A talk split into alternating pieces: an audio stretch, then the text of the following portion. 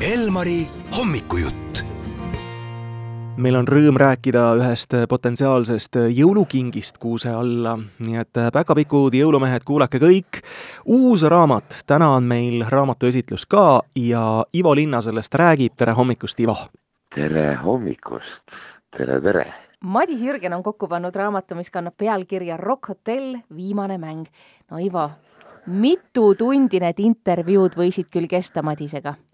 Oi, neid oli mitu korda ja ta väga põhjaliku inimesena, ma kergitan alati Madise ees mütsi, ta kohe oskab. Ja need tunnid olid, olid ikka üsna pikad, aga nad ei tundunud pikana, sest ta on väga huvitav ajakirjanik, et sa lähed temaga, kas tahad või ei taha, lähed kaasa kohe.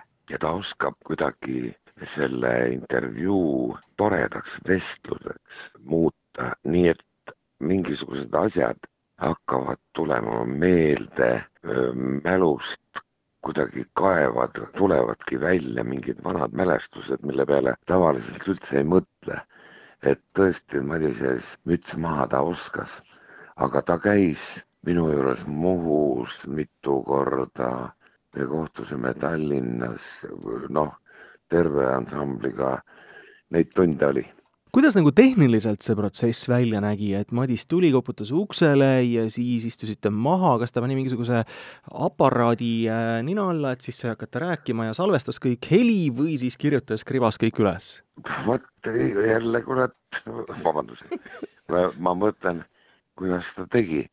ta ikkagi kirjutas kogu aeg midagi, aga tal oli ka aparaat millega ta lindistas. ta tegi nähtavasti paberi peale mingisuguseid märksõnu.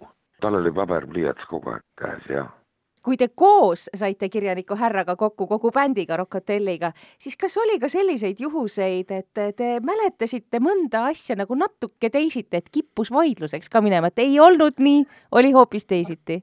sellistel puhkudel täiesti huvitav on just see, et iga mees iga inimene mäletab teatud seiku omamoodi. väga vaidluseks ei läinud, sest mis sa ikka vaidled, kas, kas kuskil miski asi oli täitsa must või täitsa valge.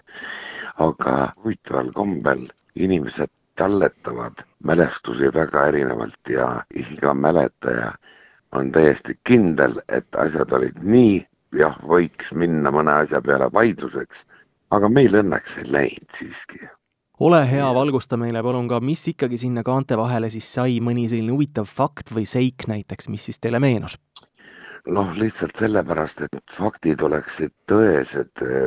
Madis saatis eh, jupiti seda käsikirja ju ka eh, lugeda ja kontrollida ja noh, ikka lipsab mõni aastaarvu veake või nime veake või, või midagi on puudu ja siis, kui hakkad neid mälestusi meenutama, no ma lugesin sealt käsikirjast üht koma teist ka ju läbi. Ja tuli see Rock Hotelli elu meelde küll. Ja neid, vaatan selliseid omavahel juhtunud asju on nii paganama palju. Ja võib-olla nalja või sellist pakuvad nad omavahel olles ja meelde tuletades neid seiku, siis on nalja-naeru palju. no just ähm, siin oli televisioonis oli, Madis ka rääkis, kuidas algas meie nii-öelda kõrtsimuusikute Soome töö pihta ja Soomes ikka, no ütlen ausalt, ikka pulli sai, sest me olime väga vaesed kogu aeg.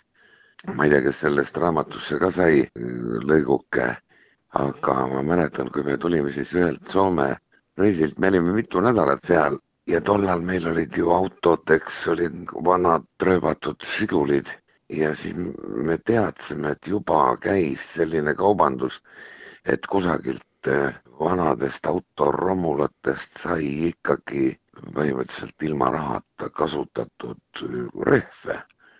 ja me tulime siis Soomest laevaga Georg Otsaga, meil oli terve järelkäru oli rehve täis ja jõuame Tallinna sadamasse, no kõik oli sealt hoopis teistmoodi kui tänapäeval.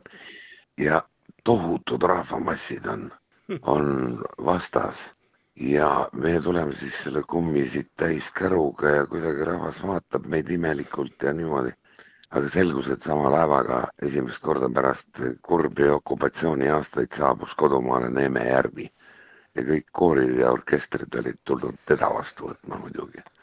Ja meil oli kuidagi selles paleeri vahelt piinlik marssida siis enne, enne Neemet. no vot ja no mina arvaks seda, et või ütleme kahte sorti lugejad. ühed, kes mäletavad oma noorusest Rock Hotelli, on meiega koos, nagu öeldakse, üles kasvanud. Nendele tuleb võib-olla ehk tänu juttudele ja, ja seal, ma ei ole seda raamatut näinud veel et pidi olema seal palju pilte ka, on huvitav nendele.